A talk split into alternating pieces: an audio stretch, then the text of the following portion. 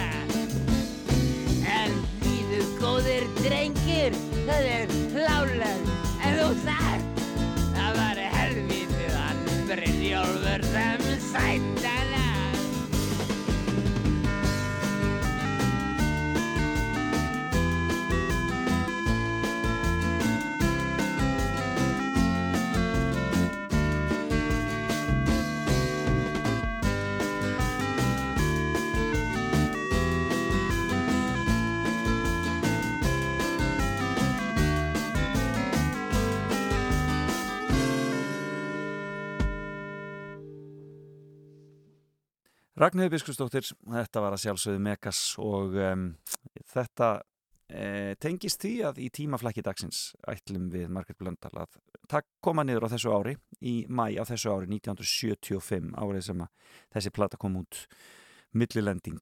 Og við fórum líka til 65 og 55 og svo til 1985 þannig að það verður skemmtilegt hér klukkan þrjú í dag en Margit Einarstóttir er búin að koma sér fyrir hjá mér.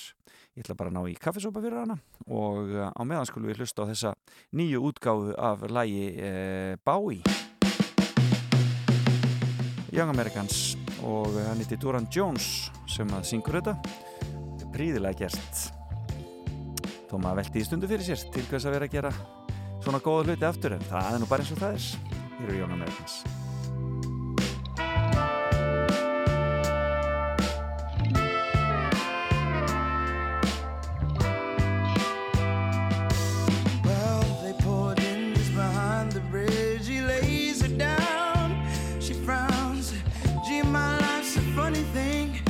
Am I still too young?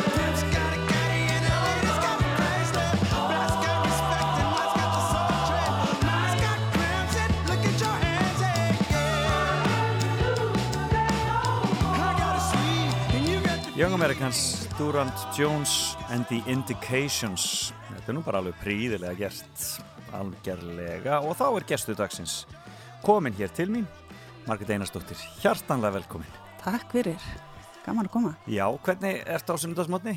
Ég er bara res. Já, þú ert vöknast nefna Já, já, já, já. Satt í gær með Kristjánu Stefáns vingunum minni og horfðum á allt Eurovision. Já. með bros út í annað Já, já, þetta var ríkalega skemmtilegt. Þú myndi mig að þú hefur náttúrulega farið einu sinni Já, já. í Ég, eina Eurovision ferð ég ber ábyrð á bolluvendinum hérna, sem Jóhanna Guðrún var í. Hann var nú kallaði það í, í blöðunum, sko. En þetta er bara, já þetta er uh, svona það sem að, þetta er góðsakarnakjöndur kjól, Já, góðsakarnakjönd dress. Hann fór sko síningu í Abbasafninu og alla Alveg pakkin, sko. já, akkurat. En, uh, varst þú með hann sjálf eða átti Jóhannan eftir þetta allt saman? Jóhanna á hann sko en hérna, Andersson og Lát hérna, Gunni og Kolla framleitan já, á sínum tíma. já, og, og þetta var svona samstarf okkar á milli. Líf, lífbúninga hönnuðar, þetta er dálítið, ég, ég held að margir get ekki ímynda sér hvernig það er. Er, menna, er, bara, er þetta svona að þú farið verkefni og þú fer bara í búðir og finnur eitthvað skemmtilegt og svona og setur utan á fólkið? það er mjög misjamt sko stundum, stundum gerir maður það sko en, en alltaf eftir hugmynd eða Já. veist að það er náttúrulega, þú þarfst að hanna þetta ekki. jú, jú, fyrst náttúrulega bara uh, les maður handrit og, og svo á maður gott samtal við leikstjóran og, og leikarana og, og svona reynir að búa sér til einhver skona tímalínu. Já. og út frá því gerir maður býið mig til svona mútbort sem ég skeiti saman svona alls konar myndum og hugmyndum og áferð og, og leitapælingum og, og svo leiðis og svo svona fær maður það samþygt eða svona fer og ræði það og, og út frá því býr maður til þessa karakterar. Já, akkurat. svo verður nú oft galdurinn einhvern veginn í mátunni og, og þegar leikarinn svona lifnar við í sínum karakter og svona hvernig hann fílar sig og, Já, og hva, hvað hjálpar og hvað hjálpar ekki Já, svona finna út úr því. Já, svona í, í, í karaktersköpun. Já, akkurat. Svona raun- koma með tillögur að því þú veist hvað gæti hjálpað og hérna svona væri gaman að gera svona þú veist í þessu atriði og Þannig að stundum ertu jafnvel að vinna svolítið í leikstjórnavinnunni bara hreinlega. Þetta næstu ég kemur inn í, inn í bara sköpun leikarans. í þetta svona þú veist útlitslega Já. uh, reynir maður náttúrulega að reyna að hjálpa söguþræðinum eins og hægt er sko Já. að sína sína einhvers konar tilfinningar eða já, uppnám eða uh, í hverju fólk hefur lent og, Já, akkurat. og svona þú veist, ef fólk hefur lent í slagsmálum og svona þú veist, þá þú veist, augljóslega þarf að aflega, þur- þurfa fötina að aflegast og Já, verða blóðu og Já, svoleiði sko akkurat. og það þarf maður ofta að hafa ansi mörg af því sama sko Já, akkurat. Nokkur, nokkur sett. já, ég En man sérstaklega sko fyrsta myndin sem ég gerði í Nóri, það var svona vikingamind, söguleg vikingamind Já, þeir eru mikið þar þessa dagana. sem að hérna, það voru sko rittarar og það voru menn sem voru að berjast með sverðum og svo voru sem sagt skíðamenn og, og svo voru þau kannski sko hver karakter sko með stöndara sem var sko skíðamaður, bardagamaður og uh, reðmaður Já. og svo leikarinn sjálfur sko. Þannig að það eru fjórir sem þurftu þá sama búningin í rauninni. Já, þannig að þetta var svona, svona chase movie, Já.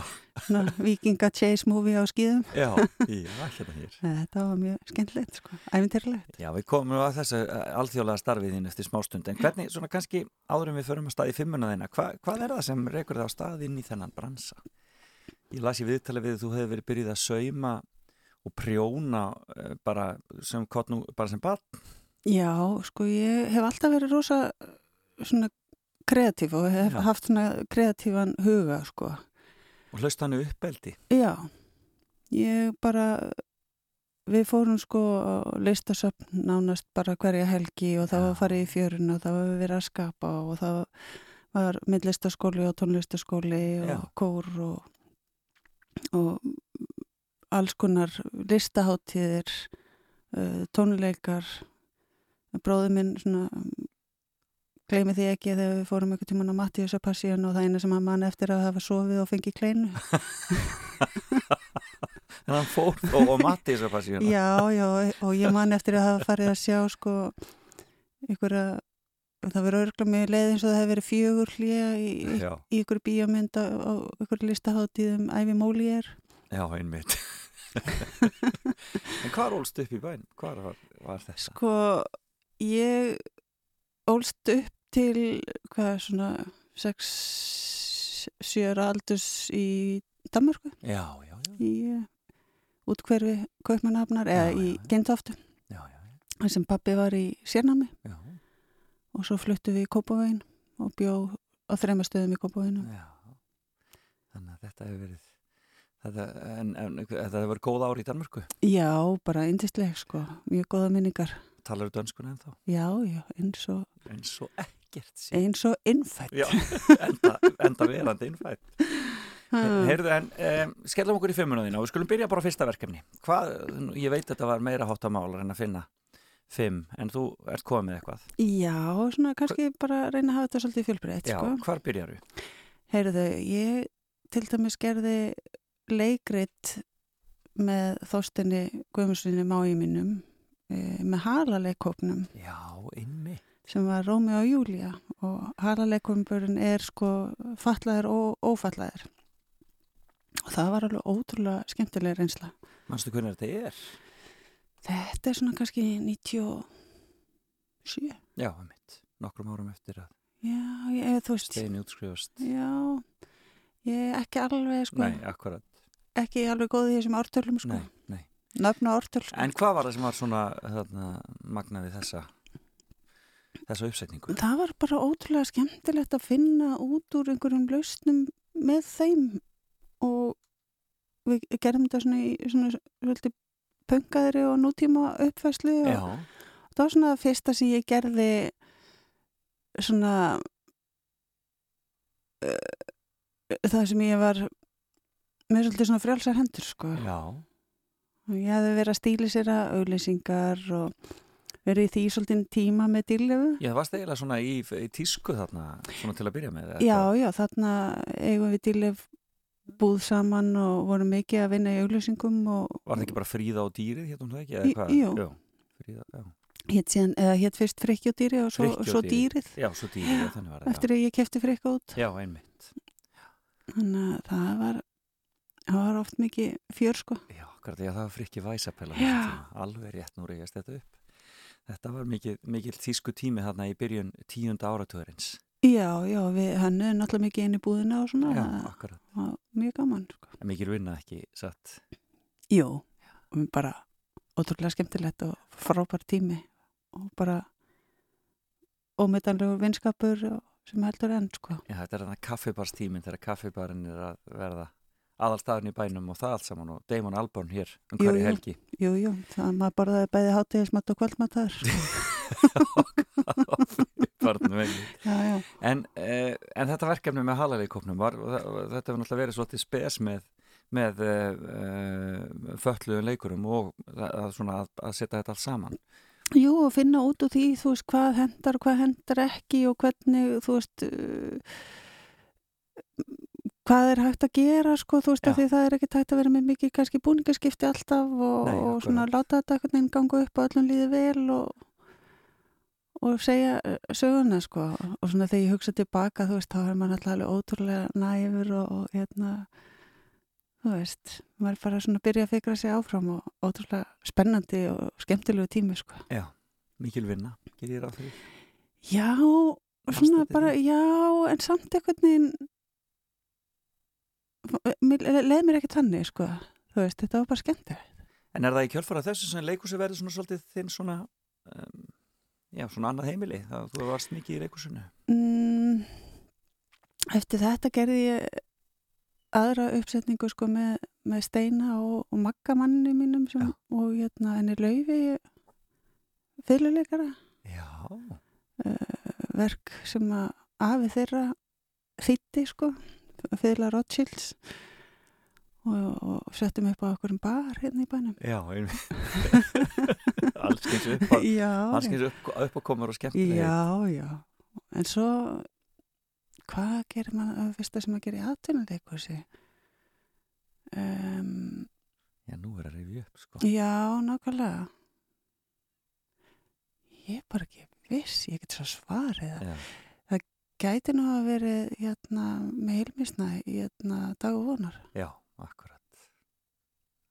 sem við til að gera saman Þannig að það er, en hvað er næsta verkefni á listanum? Þú ert búið með Halleikupin og Rómu og Júliu. Já, er nú við, sko, þá hérna, var ég nú, nú ég bara kíkja hérna á lista, sko, Já. sem ég gerði.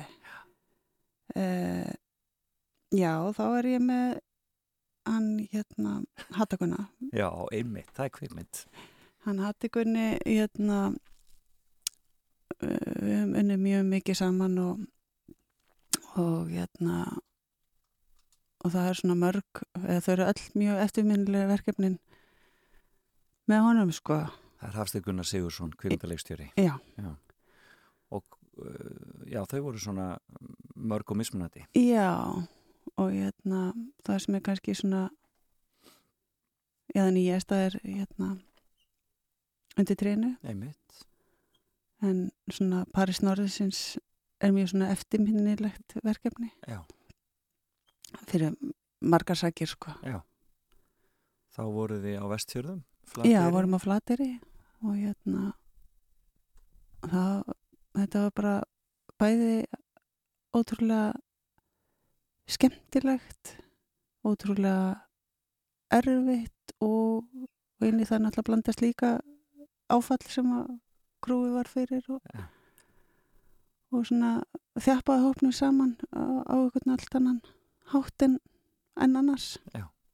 Veitu hvað var það? Getur upplýst hvað það var? Já, það var þegar hérna, Sigurður Skúlásson misti Já, konuna sína. Akkurat, já. Í, í, mið, og það einhvern veginn ég ber bara einhverja sérstaka taugar til fólksins sem að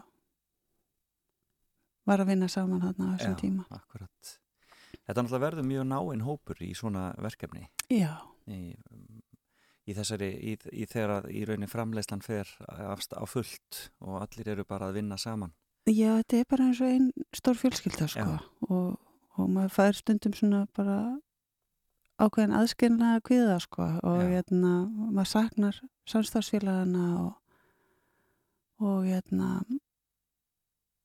einhvern veginn verður þetta oft bara svo þéttur og góður hópur og, og maður verður bara svona hálf leiður. Já, þegar verkefnum líkur Já, bara. maður saknar þeirra. Já, akkurat. En þá er um að gera bara að fara að skella sér í næsta. En hvað er það við hafstinguna sem að er svona uh, skemmtilegt, það er svona gott? Hann er bara, hann er svo hann, hann bara hefur svo sterka sín hann veit svo vel hvað hann vill Mm uh, hann hefur uh, skemmtilega pælingar en samt tröst og svona skemmtilegan húmor Já. og bara góð manneskja og gott að vinna með hann Það skiptir nú miklu máli. öllu máli Ah, já, akkurat. En er það kvikmyndirnar og sjónvarpið sem er orðin svona þinn helsti, samst, eða þinn helsti starfsvetningur í dag eða hvað? Já, það er það og nú er einhvern veginn sjónvarseriðna náttúrulega tröllur í þessum heimi sko. Já, já, náttúrulega allt Netflix dæmið. Já, og, og þessar streymisveitur allar sko sem eru all, allar í að reyna að stekka og, og HBO og Apple og allt þetta skilur þetta Já. er bara ótrúlega stór og mikil heimur og mikil vél sko. Já, akkurat. Og hvernig, hvernig kemst maður inn í svoleiðis? Ertu, ertu bara að senda bref og svona og segja hæ, hér er ég eða svoleiðis? eða? Nei, ég er með umbásmann í Svíðjóð og í gegnum hana koma náttúrulega bara mjög mörg tilbúð Já. og ég svona er frekar í því að þurfa að hafna verkefnum heldur en hitt sko. Það er nú góðu staður að vera á. Já, ég bara hef verið ótrúlega gæfusum með það. Já, vonandi líka að, að, að verkin hafi talað að það sé það sem, að, sem gera það verkum en hvað er þriðja, hvað er þriðja verkið þessum? svo er náttúrulega uh, annar íslenskur kvikmyndagerða maður Já, og hérna þá langar mig til þess að nefna Grím Hákunarsson já annar eðal maður og hérna og hrúta? Já, þú varst í hrútum. Já, Það er að koma endur gerð, sá ég. Já svo í spennandi. Ástralíu, já, Sam Með frábæri, já, frábæri leikarar. Stórstjórnum bara.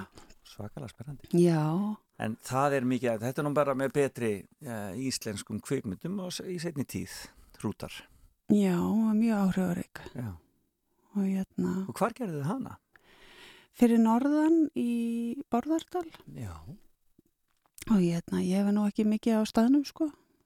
Ég var í öðru verkefni Já.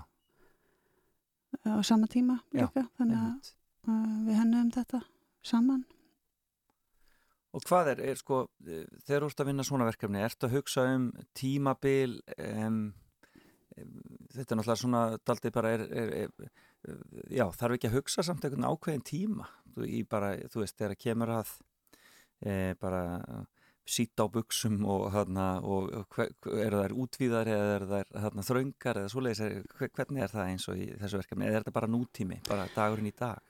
Þetta var í rauninni bara nútími en, en þú veist ákveðið svona tímaleysi kannski líka það Já. er ekkert eins og þessir bræður séu mikið að velta sér upp úr sínu útliti, þetta er bara praktík og... Smeltu og, sér lópessunar? Já og bara þú veist það er það, er það sem stendur þeirra hjarta næst, Já. það eru röllurnar og, og fjöð, já. Já. Og hérna, og það fannst mér mikilvægt að sína líka bara í lópapeisunum að þeir myndi aldrei ræta sjá sig í flýsi, sko. Já, akkurat, já, það voru urða að vera bara lópessur. Já, mér fannst það bara mjög mikilvægt, sko. Og, og svo bara að, að skapa þessa servitu kalla og, og og svona, þú, maður þarf alltaf sko að fara í einhvern íktan veruleika sko, Já. þú veist, maður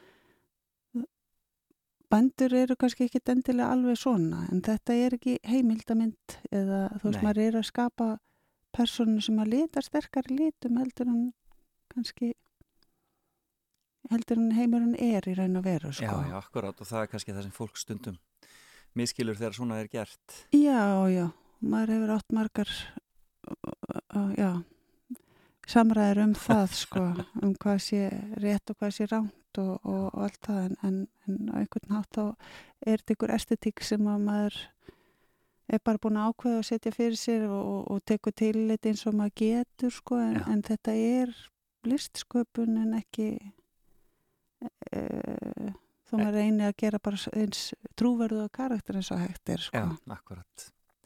Akkurat, já, það er mjög aðtilsverðu punktur. Herra, við skulum taka smá pásu. Við með það með lag sem að heitir I Heard Somebody Whistle með J.J. Jóhansson. Hvað getur þú sagt mér um þann mann?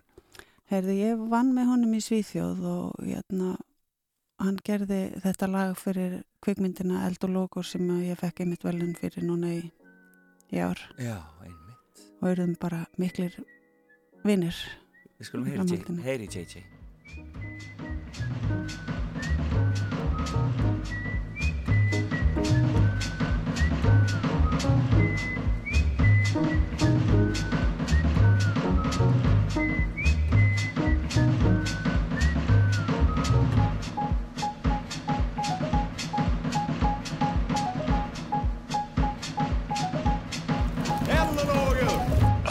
up awfully early.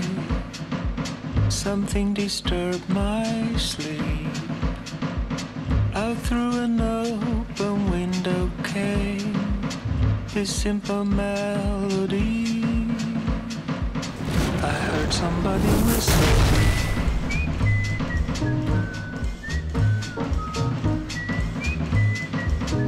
I had to stop and listen.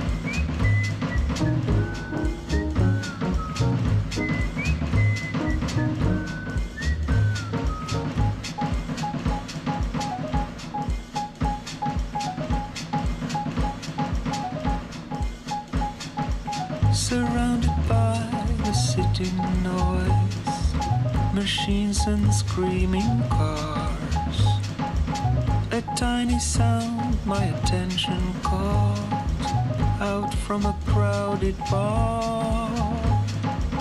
I heard somebody whistle.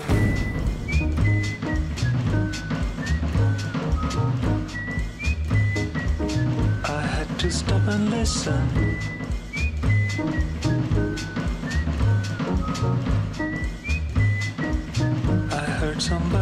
Whistle.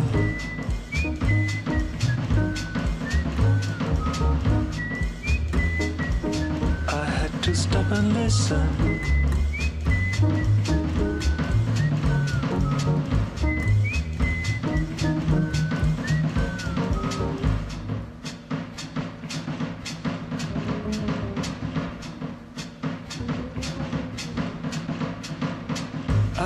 To sit and compose.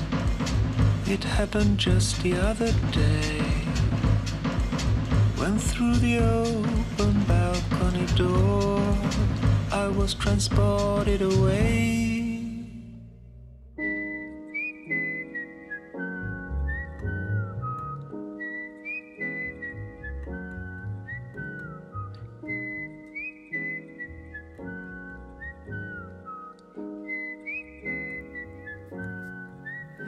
Þarna er mikið blístrað, þetta er skemmtilegt. I heard somebody whistle, þetta er J.J. Jóhansson sem mun vera þekktur tónlistamöður í, í Skandinavíu. Jú, hann er það ótrúlega skemmtilegu maður og, og ótrúlega gaman að kynast honum sko. Það er ekkit ofta á lífsleginu sem að hittir bara svona fólk og bara smöllur. Já, akkurat.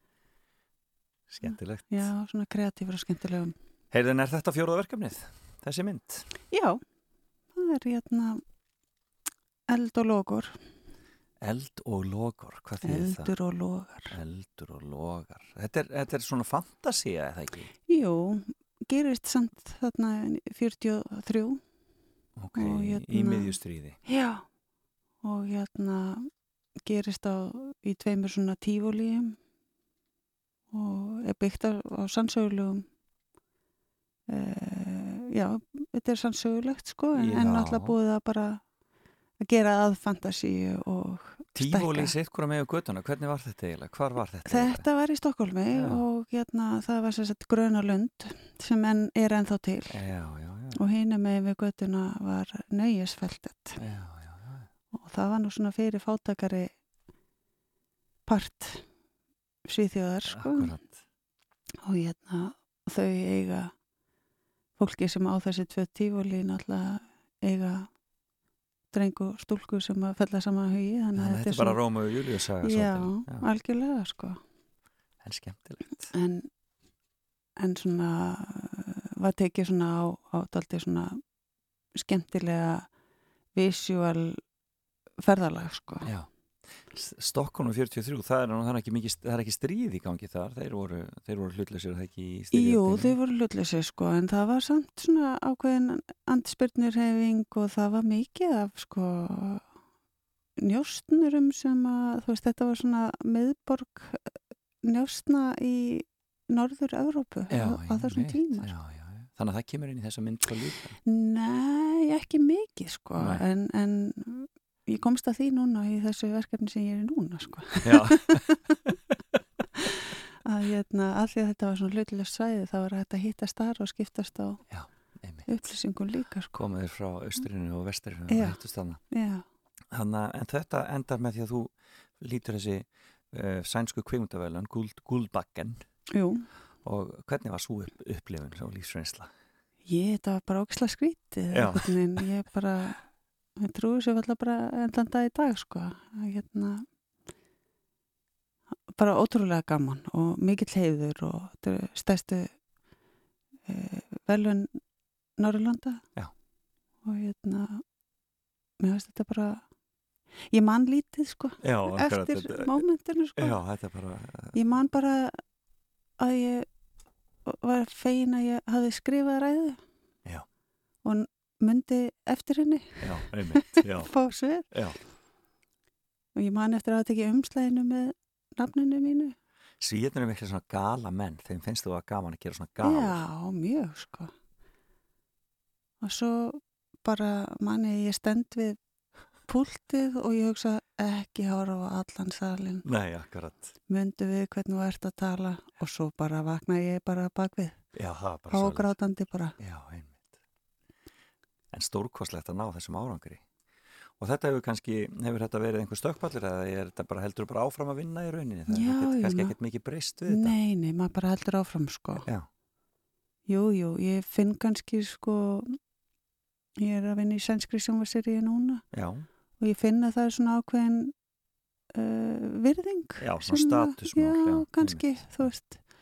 En, en það er nú oft líka bara, Erlendis er önnur virðing. Já. Bara fyrir bara deildunum og, og fyrir ákvarðanatökum hans og, og það er ekkert mikið verið að ganga inn á svið okkar, sko.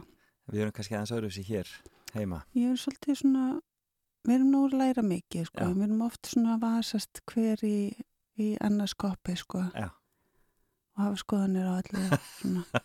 Við vitum allt best, Magga, það er bara já, já, og það er bara líka sjarmi við það og það hefur sína kosti Já, líka, sko. já. En, hérna, en það er bara svona, mm, svo er svo kurtisir og Já, og vinnan gengur örgulega betur ef mann fá bara vinna sinn. Hlutaði það ekki? það er svona, maður hefur bara betri fókus. Já, akkurat. einhvern veginn sko það er bara að þegar maður hefur tíma til þess að hanna og þarf ekki að vera á setti allan daginn og, og getur verið betur undirbúinn og Já. það er auðvitað bara ótrúlegur kostur að þurfa ekki vera að vinna fleiri en eitt starfi einu sko Femta og síðasta verkefnið, hvað er það? ég hef ekki að hafa það Þú er Svo mikla að velja.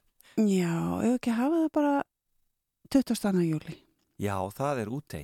já, Það er þessi þættir sem við höfum verið að horfa hér á í sjónvapinu eitthvað. Nei, þetta er það kvikmyndin. er kvikmyndin sem að Paul Greengrass gerði fyrir Netflix Alveg rétt. og hérna sem er frábær kall og gerði þetta af mikilli verðingu við og í, í samráði við Fjölskyldu, fjölskyldunar já, og, já. Og, og eftirlifundur og fór að hitti alla og Það er svona mjög deilda meiningar um hvort að það sé mikilvægt að þessi saga sé sögð og hvort að hættan sé á því að það sé verið upphefja morðingjan og annað slíkt. já, það eru mjög skipta skoðanir og, og það held ég bóði alltaf gott ef að fólk hefur skoðanir á það hefur eitthvað bóðskap og, og fólk hefur meiningar og það vekur umræðu og Já. þetta var náttúrulega ræðilegt og ég held að maður eigi ekki að, að fela fela svona ræðilega hluti að því að við verðum að læra af þeim og Já, við verðum að horfast í augu við það og í heimi sem að í dag er uppfullur af fordómum og, og hérna sundrung þá einhvern veginn finnst mér mjög mikilvæg bóðskapur í þessari mynd hvernig Noregi tókst að standa saman Já. og verða sterkari fyrir viki. Já, akkurat. Mér finnst það bara ótrúlega mikilvæg skilabóð. Já, akkurat. Hversu ræðilegt sem það var. Og það er mjög aðdeglisvert að, að það er, maður sér blóð á tveimur stöðum í myndinni. Mm og það er eftir sprenginguna í, í hérna, meðbænum -hmm. og svo þegar við sjáum aðalpersonuna vera fluttan á, á sjúkrós. Já, Við sjáum aldrei blóð þegar, þegar hérna, það er verið að skjóta á börnin og, og það fannst mér svona magnað að að gera það sko, Já. veist, það er en hann nær samt að lýsa hryllingunum og þessu, já, já, þessu, þessu, þessu ástandi. já, og, og í rauninni þú veist, þá, þá eru ekki að fylgjast mikið með honum Nei. Nei. og maður svona reynir nú alltaf að komast hjá því að nefna nafnans Já, akkurat. Það er líka bara engin ástæða til. Nei, Já, þetta eru mögnu verkefni. Ertu, ertu eftir því eftir að taka þátt í svona verkefni? Já, það tók bara mjög á. En mér fannst nú Netflix gera þetta sko á mjög skinsamlegan hátt, þú veist, það var sálfræðingur setti, Já. alltaf Já. sem fylgdist með öllum. Já. þú hafði alltaf aðgangað og svona, það var virkilega vanda til verks. Og, og reyndað reyndað hérna, hjálpa öllum í gegnum þetta Magnað, algjörlega magnað og um, ég sá ekki staðar að þú hefði þurft að klæða þar hvað 3000 manns í stæstu senunum. sko e, sko allt í allt voru Já. held ég 3600 aukarleikarar og, og marga þeirra klætti maður oft sko, Þetta dag eftir dag þannig að en það er bara var náttúrulega bara með frábært tím, Já, veist þetta, þetta er ekkert eitthvað sem maður gerir einn nei, nei, og hérna, ef maður er ekki með gott fólk í kringu sig þá verður lítið úr verki sko Já, og hérna það þarf að vera valinn maður í hverju rúmi sko. ég hafði meira en að segja það. En hvað er að gerast núna? Tíminn alltaf að renna frá okkur eins og venjulega. Já, já, Hvað já. er næstu, hvað er næstu, næstu verkefni ég er í verðbúðinni Já, það er með vestuportar. Vesturporti Já. sem eru sjónvastætti sem verða síndir hér. Ótrúlega spennandi. Einmitt, og, og gaman hjá okkur. Við erum, að, við erum byrjað í tökum. Já, og svo er ég í uh, sænskri sjónvarsseríu sem heitir Be Indom Nót ekki beðjast vægðar.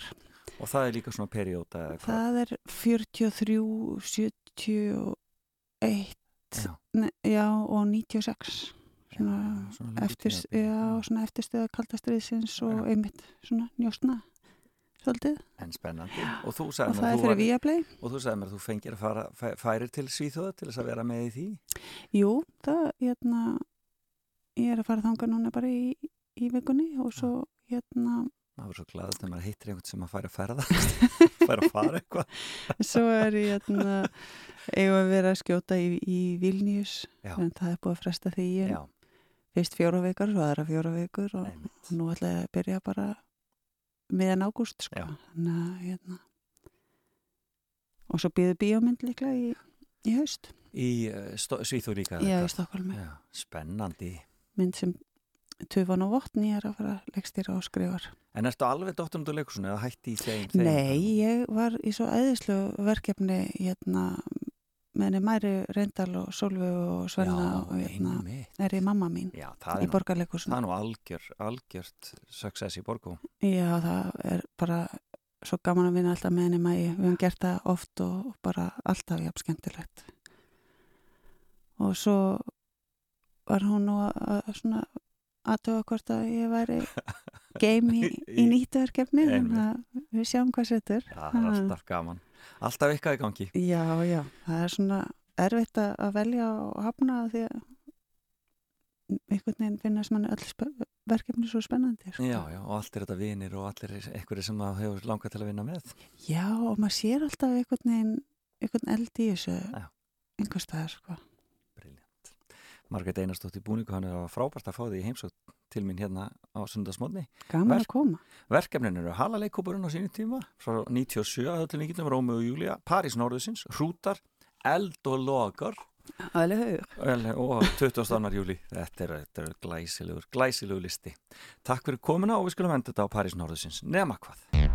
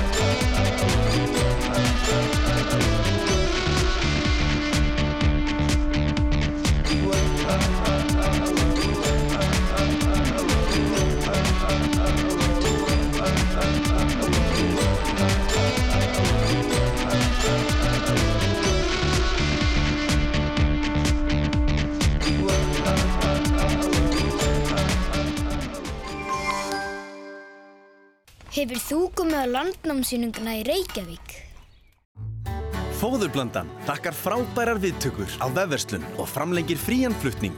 Þú verslar fyrir 30.000 krónur eða meira og farið vöruna að senda beint heim á hlað. Gildir fyrir postnúmerinn 101 til 371 og 800 til 881. Fóðurblandan í 60 ár. Kúrðu bara áfram og hlustaðu áfram og tilbaka á Rás 2.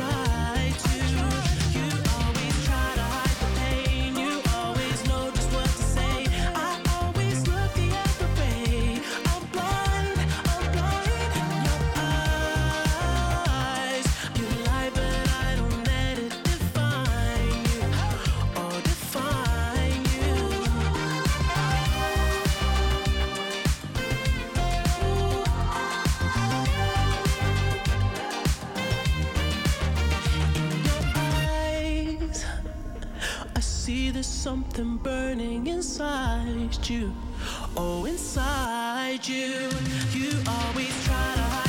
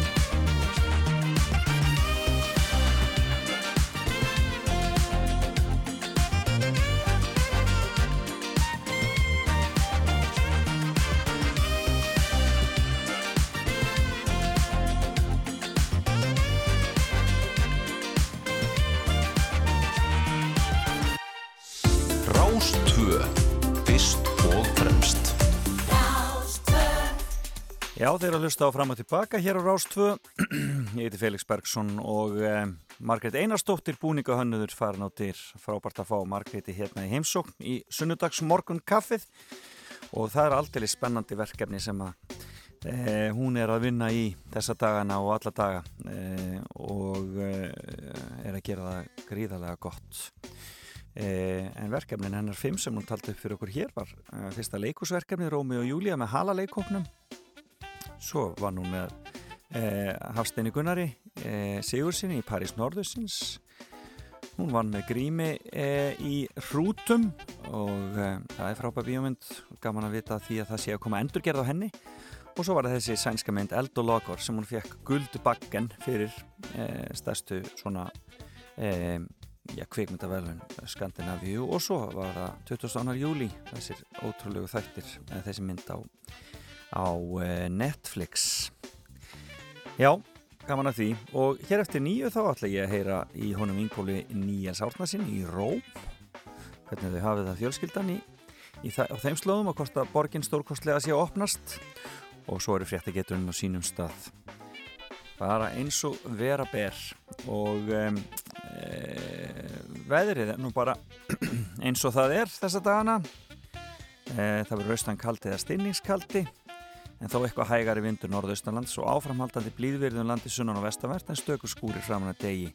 Norðan og austan til og í kvöld létti síðan til og dregur úr vindi. Og morgun og þriðdag verður fremur hæg og austlægað breytilega átt og létt skíjað víðast. Þannig hljómaði það. En uh, við skulum fá uh, tilkynningalæstur og fréttir og svo höldum við áfram hér í fram og tilbaka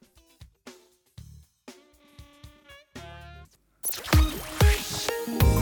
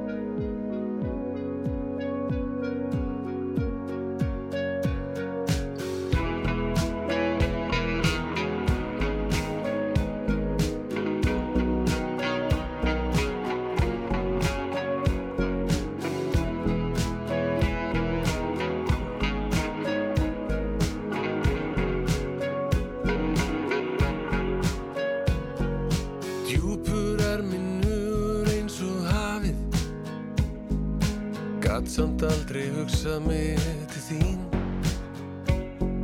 Sátum först í sama hugar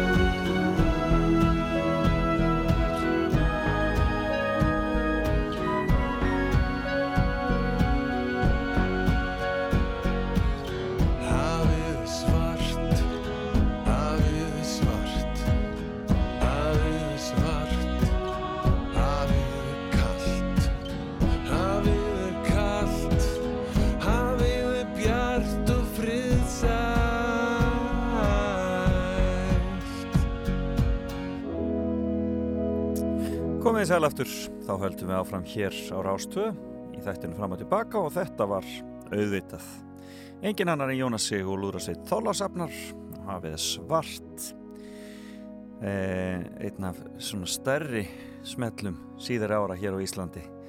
Man alveg þegar þetta lag kom, þetta var, þetta, maður bara vissi að þarna var eitthvað mjög sérstakt á ferðinni. E, já, ég heiti Felix Bergsson, ætla að vera með ykkur áfram hér til kl. 10 þegar Jón Ólafsson tekur við. E, við höfum þetta svona á þennan mátan hér hjá okkur á Rás 2 og e, vonum að þið vilji vera með okkur, drekka með okkur kaffið og hafa það haugulegt. Hér á eftir ætla ég að ringja til Ítalíu, nána til þetta ekki Rómar, en Íngóru Níels Átnason er þar á samt fjölskyldu sinni, öruglega búin að drekka morgun kaffið þar í borg og öruglega fara að hlína þar og vonandi fer nú svona landið að rýsa. Við heyrum kannski aðeins af því hér á eftir og hvað þau uh, hafa verið að uh, bardúsa í, í, uh, í uh, samskiptabanninu öllu saman. E, og svo er það fréttekjöturinn og ég ætla að spila hérna eftir líka lægið ítalska sem að uh, íslenska þjóðin valdi sem sitt upp á slag af þeim sem átt að í Eurovision í ár. Alveg svakalega flottur listamaður þessi. Eh, Antonio held ég hann heiti Diodato. Antonio Diodato. Já, glæsilegur í þættinum í sjónvarpinu í gerkvöldi en eh, fáum aðeins meiri tónlist aðrum við ringjum til Ítalíu. Hér er Alice Merton og lagið No Roots. Algjör snilt.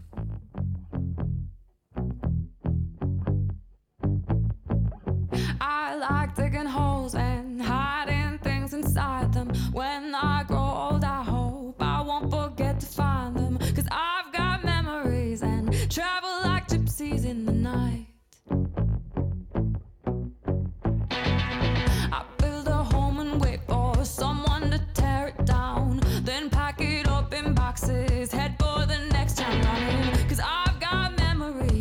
travel like gypsies in the night. And a thousand times I've seen this road, a thousand times. I've got no roots.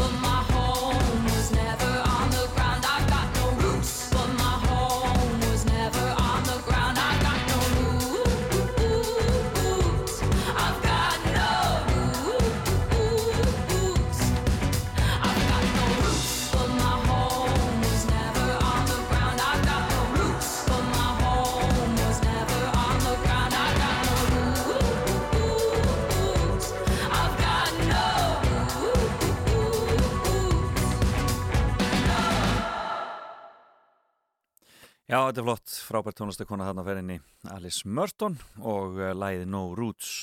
Og eins og ég sagði það fyrir að líða því að ég ringi til um, Rómar og heyri í fólki þar í borg hvernig málinn standa. En eh, við skulum fá aðeins meiri músík fyrst. Hérna er eh, Elin Ey. Þetta er hennar útgáfa af gamlu grílulægi sem heitir ekkert mál og þetta var gert í hljómskólan Kúrðu bara áfram og hlustaðu áfram og tilbaka á Rástvö.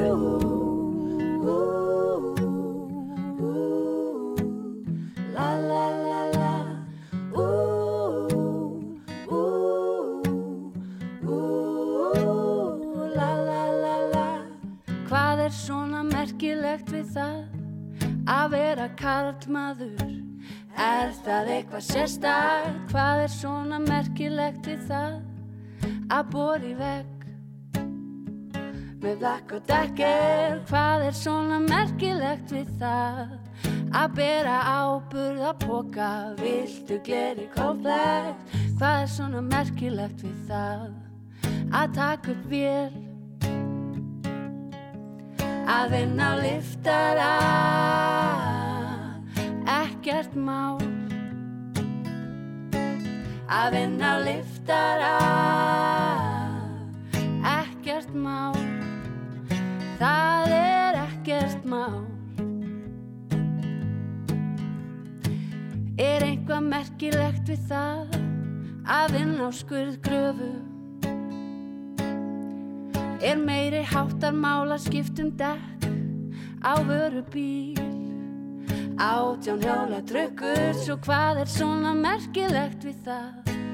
Að vera karlmaður, Æ, æ, æ, æ, er flott að vera engöngu á ból og móka snjó. Að vera karlmaður, ekkert mál. Að vera karlmaður, ekkert mál. Það er ekkert mál Hvað er svona merkilegt við það að vera karlmaður? Er það eitthvað sérstækt? Hvað er svona merkilegt við það að bóra í vegg? Með blakk og dekkir, hvað er svona merkilegt við það að bera áburða póka? Viltu gleri komplex? Hvað er svona merkilegt við það að taka upp vél? Að vera sundskilu, ekkert mál. Að vera sundskilu, ekkert mál. Að vera sundskilu, ekkert mál. Að vera karlmaður, ekkert mál Það er ekkert mál. Það er ekkert mál. Það er ekkert mál. Já, ég veit ekki hvort að allir eru sammála því að það sé svona svakalega létt að vera kallmaður en, en það, það er verið að eiga það við sig Elín Ey og Grílundar þetta var sagt lag. Gamla grílulagið úr hljómskálanum en í símanum er hann Ingo Níels Árnason. Uh, í Róm og Ítalju komdu sæll og blessaður Ingo. Sæll og blessaður. Blessaður og sæll, já, hvernig hafið það á sunnudagsmotni? Við erum bara, bara, bara nokkuð fínt. Já, hvernig er, er, er farið að losna um ykkur? Er þið farin að geta farið út og náðu ykkur í kaffisópa? Það, hérna, ekki alveg sko þetta, þetta mun opnast allt saman á mánudaginn, það morgunni Og þá, ég þá opna kaffihúsin og svo leiðis Já, þeir, þeir opnuðu að vísu núna hérna 4. mæ Já, uh, en bara þannig að það er, getur farið inn, inn í einu og hann þarf að taka bollan með sér út og drekka hann á, á leiðinni heim já, það er svo leiðis, já Þannig að ég er búin að fá alvörinni kaffi núna það var núna, núna, síðustu vikum Já, þetta er ótrúlega langur tími sem þetta búið að standa yfir Já, þetta er alveg nátt, sko. þetta er alveg allt 70 dagar. Þetta er bara, þetta er svona, já, þetta er svona surrealista lendi í þessu lítur að vera Já, algjörlega, bara, já, það er bara alveg hálfrétt, þetta er alveg, maður ekki hægt að útskýra þetta, sko. Sérstaklega vegna þess að hér, sko, það sem að við upplifum er að ef, ef við þurfum að fara út, eins og ég þurfum að fara út og, og, og kaupi matinn, þá voru beinum að gera það einu sinni í viku. Já. og, og svo þurftum við að, sagt, ná í, í svona eyðublað á netinu og prenta það út og fylla út eh, sagt, nafn og heimilisfang og, og vegabröfsnúmer og símanúmer hvaðan við værum að koma og hvert við værum að fara sagt, hvert okkar ferðarlag væri Já. og, og hvers vegna Þannig að ef að lögreglan stoppaði þá hefður þetta til þess að afhenda bara hreinlega Já, og svo, svo er, er lögreglan með stoppis uh, bara vísvegar um, um borgina Já. að stoppa fólk og, og að á hvaða ferð það er. Og þá er það svona undir lögreglumanninu komið hvort að, að hún finnst við uh, vera uh, nöðsynlega þurft að fara þessa ferð. og til eru sögur um fólk sem að, hérna, veist, hana fór út að lappa með hundin og hún fór aðeins og langt frá heimilinu og fekk 250 efru Já, þetta er náttúrulega ótrúlegt sko. Það verður svona, svona skrítið ástand, það var svolítið skrítið ástand í, í samfélaginu út af þessu. Og margir eru röglega pyrraðir yfir svona, eftirlit samfélaginu og öðru slíku sem að kemur í kjölfarið á svona Já, já, akkur og einhver fór út að lappa með skjaldbökunum sína og eitthvað svona. Já. Það er mjög, mjög hægur göngutúr Já, það er að finna út eitthvað leiði. En- Svo fundið er eina konu sko sem gekk á hérna og byggjum í blokk og banka og spurði má ég fara út með hundin. Það varst að sjá sömu konuna með mismunandi hunda út að lappa. Já, einmitt, það er hún, hún, hún fekk sekt og eitthvað svona. Já, þeir hafa fylst með því En hérna, sko, þú, þú, og Hildur konaðinn, hvað eru þið búin að vera lengi á Ítali? Við fluttum hinga út 2011. En þeir voru búin að vera- Já, þeir voru með strákana okkar tvo. Já, þeir voru búin að vera þarna áður samt, sko, Já, ekki námið þarna og svo leiðis? Jú, við vorum bæði í námi hérna, það var svona, næstum um sex ár sem við vorum hérna, við vorum í námi. Já. Og svo bara tókuðu stökkið 2011. Já. Og hafið ekki séð eftir því eða hvað? Nei, nei, nei, nei, nei, alls ekki. Sko, það sem er þannig erfiðast er, eru fjarlæðarnar. Já. Það er svona, en, en það er núna ekki- í dag þá, Og það verður ekki verið alveg góð tenging við Ísland, millir Rómar og Íslands. nei, það hefur sko komið upp einhver ár sem var svona sumarflug, beintflug, Já, en annars, annars er þetta alltaf bara þurfa millilenda, sko. já, akkurat, eitthvað starf á leiðinni. Já. En þetta er dásanlega borg og þú sagði mér áðan, ég held að þið væri komin til sveit en þú þið búið í miðri borginni. Já, við, við, við, við, áttum heima í komum kastala upp í sveit Já. í eitt og hálft ár. En um, það var of erfitt að vera alltaf að ferðast, tók maður alltaf svona tvo tíma fram og tilbaka sko, Já, fyrir vinnu. Einmitt. Þannig að það ákveði að koma bara aftur inn í Róm. Já, og hvernig, og hvar búið í borginni? Við búum bara í Trasteveri, hérna, rétt hjá vinnunum minni, það er bara í, í miðbænum. Já, einmitt. Dásamlegt.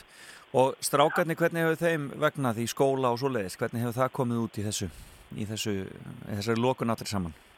Ég, sko, þeir eru náttúrulega ótrúlegir, sko, Já. þessi krakkar eru alveg, skilur snillingar, sko.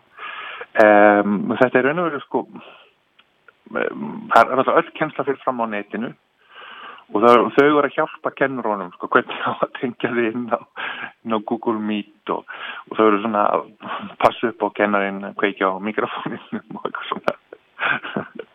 en þeir, þetta hefur hendað þeim alveg, þeir hafa aðlega að segja þessu alveg rosalega vel og Já. bara standa fyrir mjög vel. Já.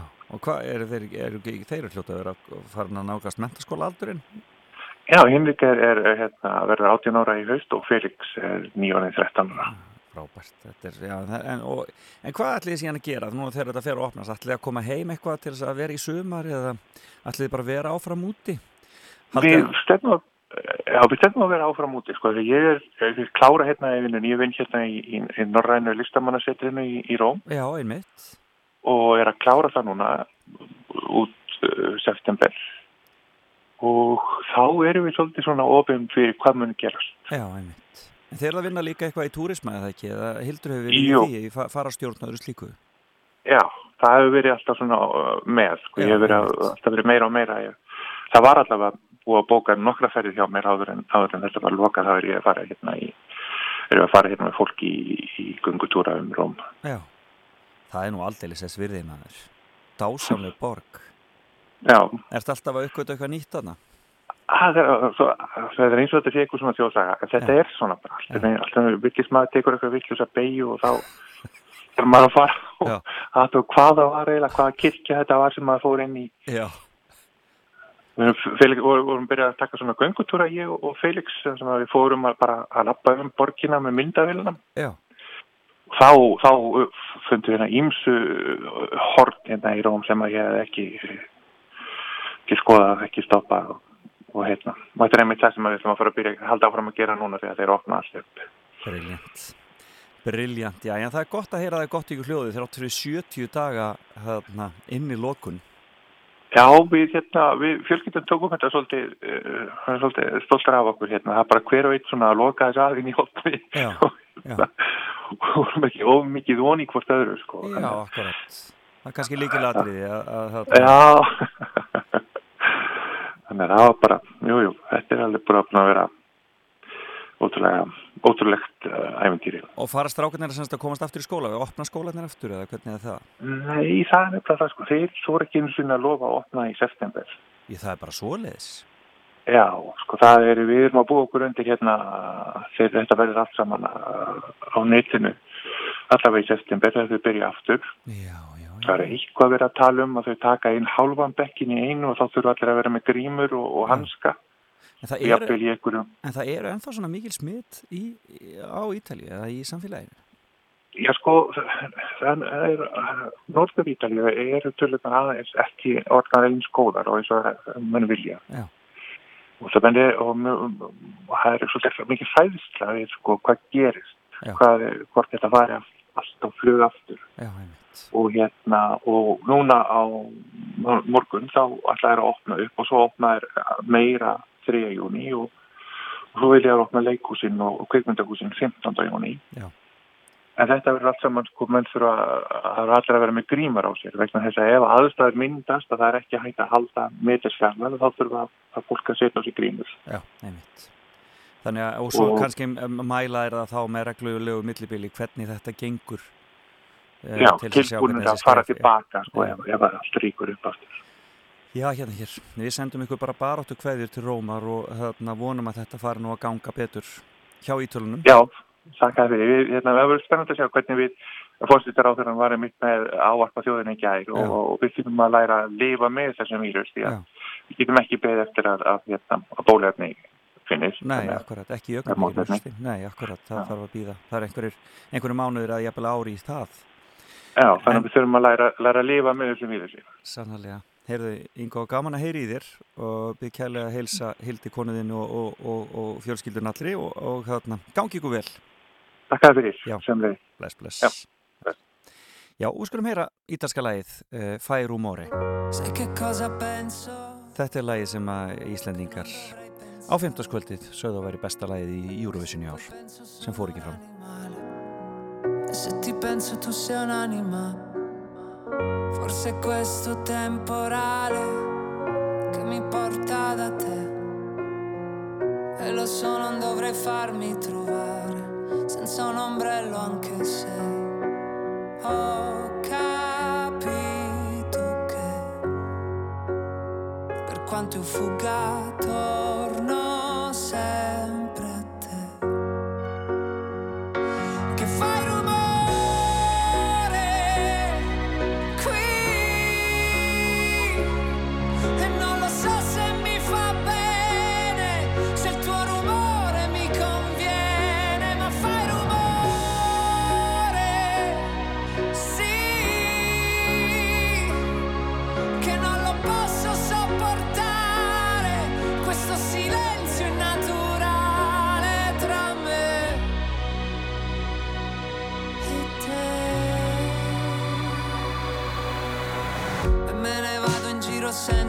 parlare, senza un posto a cui arrivare.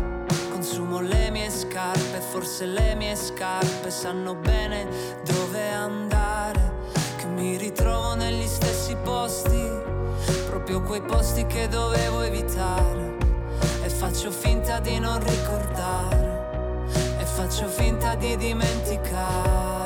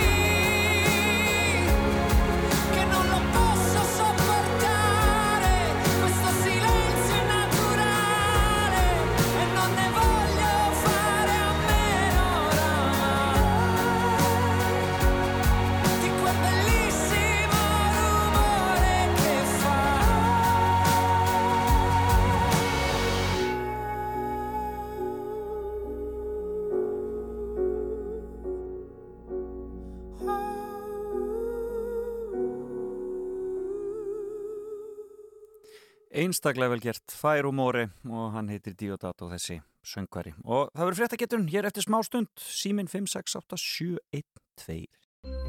Velkomin á Fætur. Fram og tilbaka á Rás 2.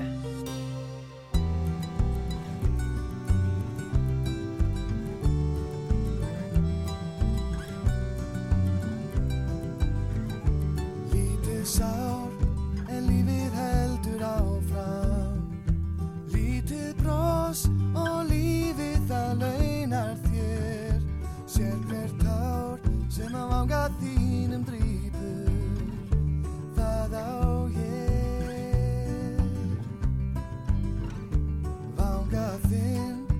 hjarta mitt þú leggur. Lítið bros um varið þína leikur sér. Sálaró um sálu mína líkur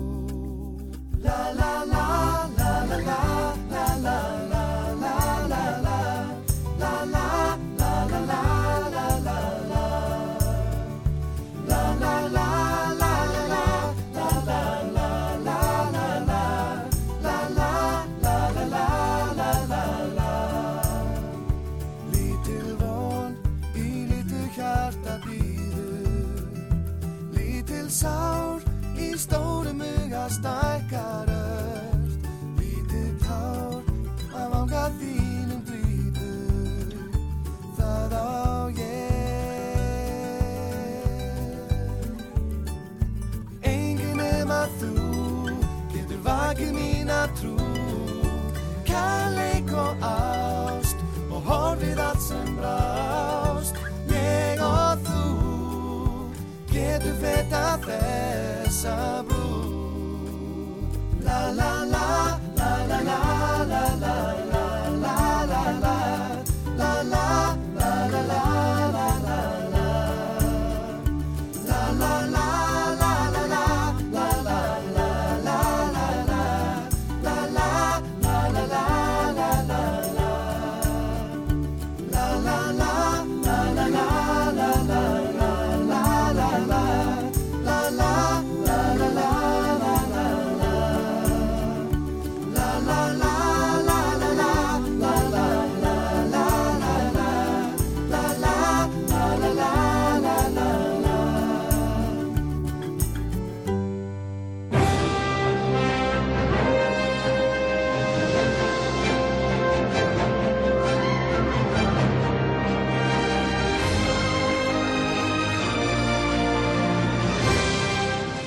er þá fyrir þetta getur hann að stefið okkar? Farið að stað.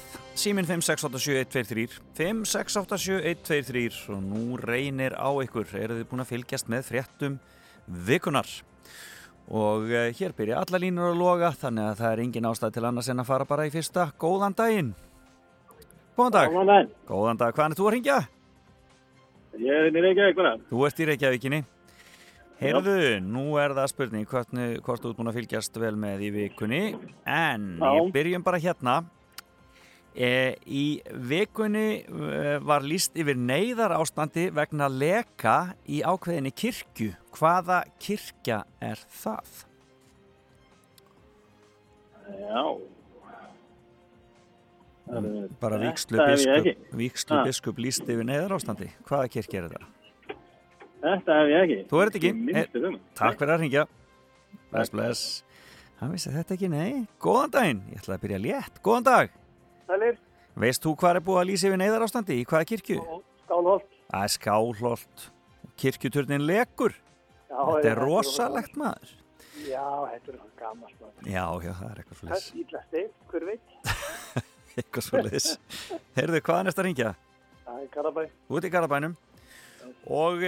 Þá spyrir ég Í vikunni braust maðurinn á sapn Stal kúrekahatti og tók sjálfsmynd af sér Með beinagrind af risaðilu En auðvitað þá náðist þetta alltaf öryggismyndavélar Og nú hafa myndir af manninu farið náttúrulega út um allan heim Eins og eldur í sinu En hvar í ósköpunum var þessi maður að gera þess að taka myndir af sér með risaðilu? Hver í heiminum? Já, Hvað þetta maður helst í hug? Já, hvar eru maður- með bara og safn? Já, bara landið er nóg fyrir mig. Það er bara næmir alveg. Vestan austan, mástu það? Lesna við segjum bara ba- Ameríku. nei, nei, það er ekki í bandaríkjunum, en takk fyrir að ringja. Já, bless. Já, hvar var maðurinn sem tók sjálfu af sér með, með risaðilu? Góðan daginn. Já, og kúrekahatt, það er mikilvægt. Góðan dag. Nei, þessi veit ekki heldur. Ætlaði að hanga á línunni. Góðan daginn. Góðan dag. Veist þú hvar maðurinn var með kúrekahattin og risaðiluna? Ekki. Ha? Jóta það hafi verið í Þískalandi. Nei, það var ekki í Þískalandi, en takk fyrir að ringja. Já, nei, þetta er bara... Já, góðan daginn. Góðan daginn. Veist þú hvar hann var maðurinn með risaðiluna? Það var í Fraklandi. Nei, ekki rétt, en takk fyrir að ringja. Ekki var að Frakland. Góðan daginn. Já, nei, það er bara, þetta er bara... Það er bara, það eru allar línu döða núna. Það veit enginn hvar maðurinn með risaðiluna og kúrekahattin var. Jú, hann er ekki reitt. Góðan dag. Já, þessi veit ekki heldur greinilega. Þetta er bara, þetta er alveg rosalegt. Góðan dag. Góðan dag. Veist þú hvar maðurinn með kúrekahattin og risaðiluna var? Ég, ég ætla ekki sko Ástralíu. Það er hárétt hjá þér. Þetta var í ástralska safninu í Sydney. Þannig að þú ert greinilega að fylgjast aðeins betur með heldur en hinni sem hafa verið að ringja hérna. E, og þá spyrjum við. E, já, hvað ég að finna hérna gott fyrir þig? Jú, í sjónvastætti gerkvöldi vegna Eurovision kom fram listamaður sem hefur unnið Eurovision tvísvar og í þriðja skipti sem höfundur lags. Og þetta mun vera eitthvað skona með. En hvaða listamaður er þetta sem hefur unnið Það er? Johnny Logan. Það er Johnny Logan, algjörlega með þetta, vel gert, vel gert og já, hvað ég að koma með hendaður hérna? Jú, ég þessi hérna, þetta er nú svona mikið í fréttunum núna, en ný Netflix kvikmynd verið frumsýnd í sumar, þar kemur Ísland mjög við sögu. Myndband við lagur myndinni var frumsýnd í vikunni, það heitir Volcano Man og þar kemur, já, Ísland sérst mjög vel þar. En ég spyr, hvaða karlleikari fer með aða hlutverkið í myndinni? Það Vil Ferrell. Það er hárétt hjá þér. Og kom Húsavík á kortið. Hvað segir þau? Og kemur Húsavík á kortið. Kemur húsauku kortið, ertu kannski að ringja það? Nei, nei, ég er ættuð aðeins að. Já, þú dættu það. Va- Þarna, það gekk nú mikið á þegar hann var þarna að taka upp. Jú, já, það lokuðu séttinni þarna. Já, og hann sendi sérstakar kveðjur til þeirra á Húsavík hérna. Í, Já, í, já. En, en hvað heitir þú? Þú ert, þú ert búin með þrjá spurningar rétt hana þetta. Helga Sigurdóttir Helga Sigurðardóttir og hvaðan hringir þú Helga? úr Hafnafyrði. Helga Sigurðardóttir í Hafnafyrði. E, e, ég veit ekkert hvað ég er að fara að gefa þér í velun en það verði einhver velun hér hjá mér í vikunni. Þannig að e, ég ætla sér ekki bara best að ég sendi þér það. Hvað er heimilsvangið? Uh, Það er eftirlið 19. Efsta hlýð, Já, eftirlið 19, Já. 221. 221 Hafnafyrði. Heyrðu, ég segi bara kæra þakki fyrir að ringja Helga og til hamingi með þetta og ég sendi þér eitthvað skemmtilegt í vikunni. Uh, Takk fyrir og takk fyrir alla leið. Já, takk fyrir Ha, kærlega, takk Alltaf fyrir. gaman á Eurovision. Já, það er gott að heyra. Takk innilega fyrir. takk. Já, bless, Bless. bless. Já, og þakk ykkur öllum sem að ringduð og tókuð þátt í fréttageturinn í dag. Ég verða að sjálfsögðu með geturinn hér aftur eftir viku. Talandum risaðilur. Þetta er Rolling Stones.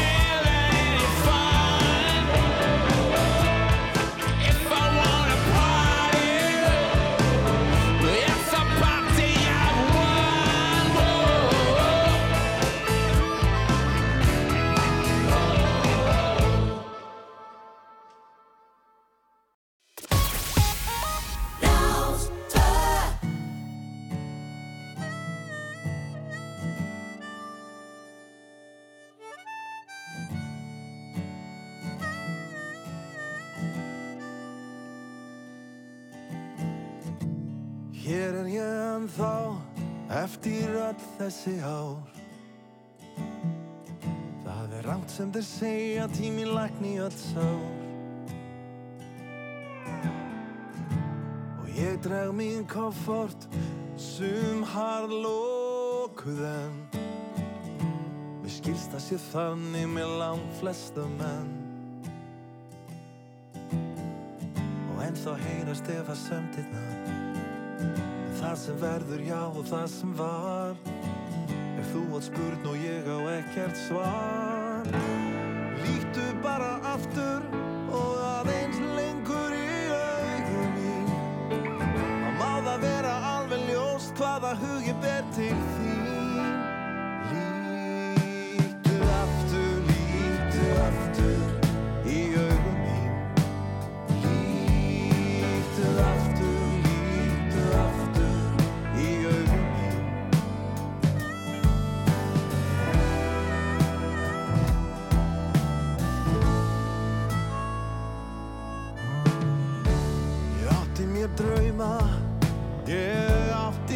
þrá Skipti engu um ströyma, ég óð allar á. Nú á ég erfitt með orðin, þau þvælast fyrir mér. Hvað hef ég svo sem að segja, hvort þið er?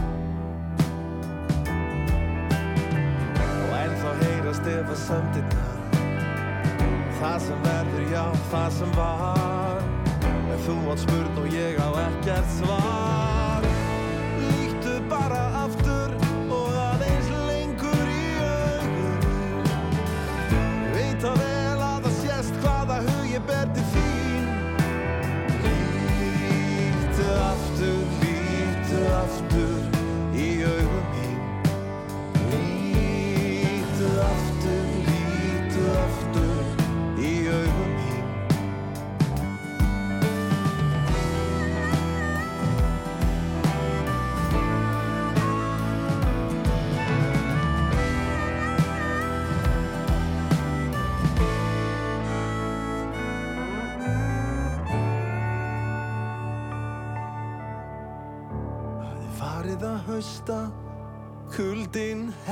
sitt grip.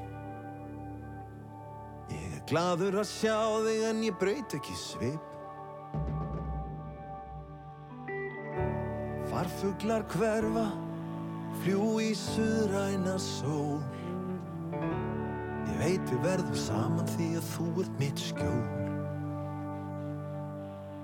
En ennþá koma ef að sendirnar En það sem verður já og það sem var Ef þú átt spurn og ég á ekkert svar Líktu bara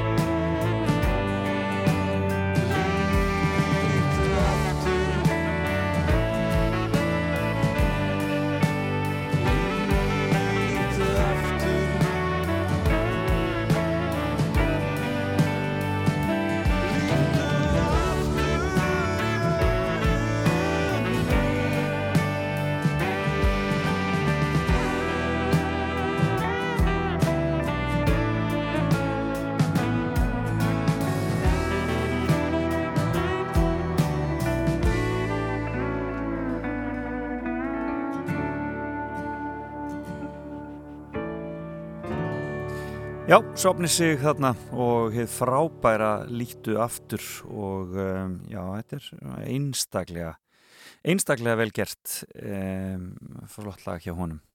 E, hér á Rás 2 er e, margt og mikið skemmtilegt framöndan.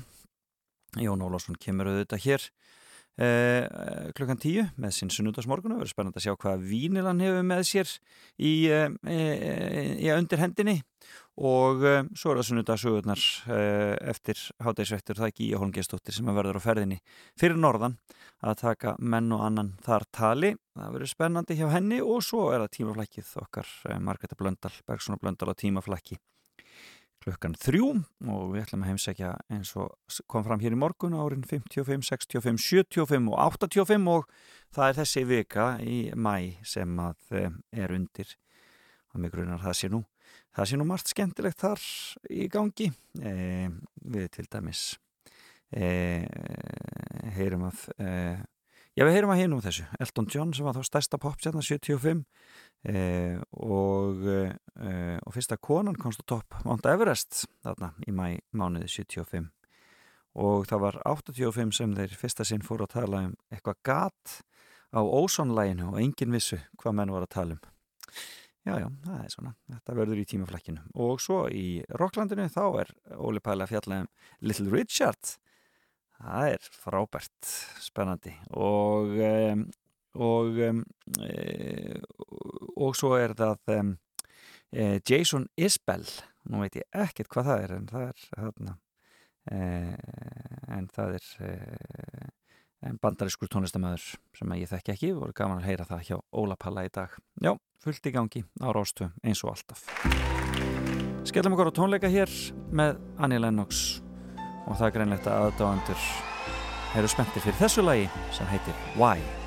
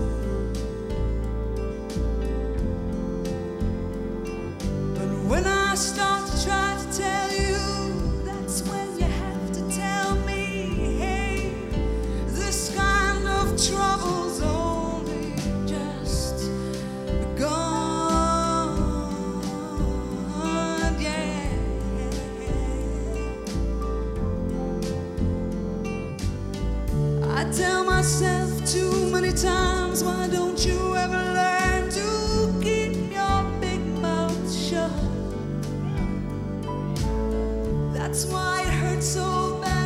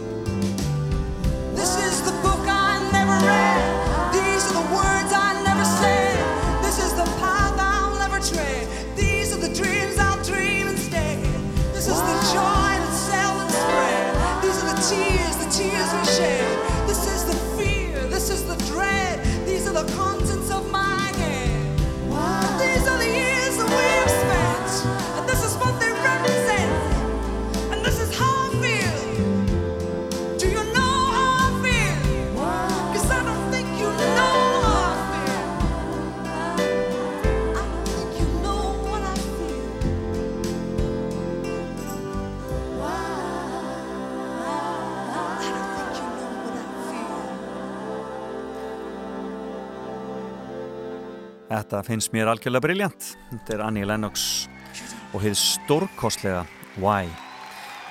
Þetta er búið hjá mér í dag. Eh, Ég þakka mínum góðu viðmælendum sem komi hér.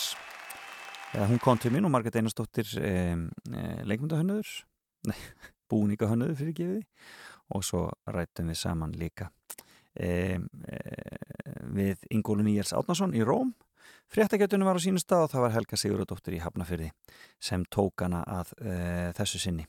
En e, við skulum enda þetta í dag á e, Múkisson og Ragnæði Gröndal. Þetta er náttúrulega dásanlegt. Stólin Steff. Heyrumst þetta í viku. Bless, bless. Er hilur snjórin hvíti sálar glögg og sjeffin neytar hverri bón. Og eðla vín er súrt sem bragðvond brugg